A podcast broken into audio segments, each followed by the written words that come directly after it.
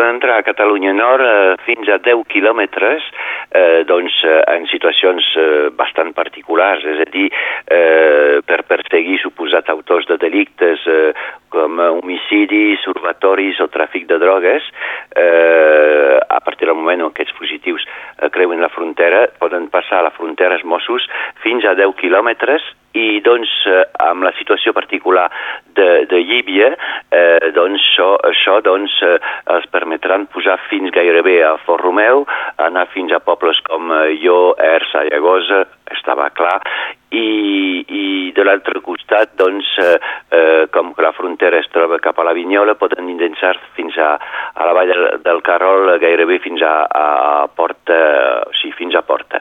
Eh, doncs és un nou conveni eh, que hi ha hagut i, eh, al Pirineu, perquè a la Vall d'Aran eh, és igual, i doncs eh, només per, per explicar que si hi ha una intervenció de Mossos eh, a, del costat francès, això és autoritzat.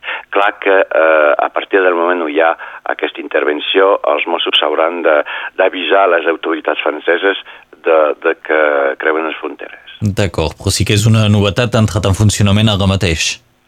Això passava, però eh, era, no, no, no hi havia una, una autorització i un conveni tan, eh, tan específic com aquest. D'acord, doncs ara sí que això queda escrit no? i queda eh, legal. Exacte.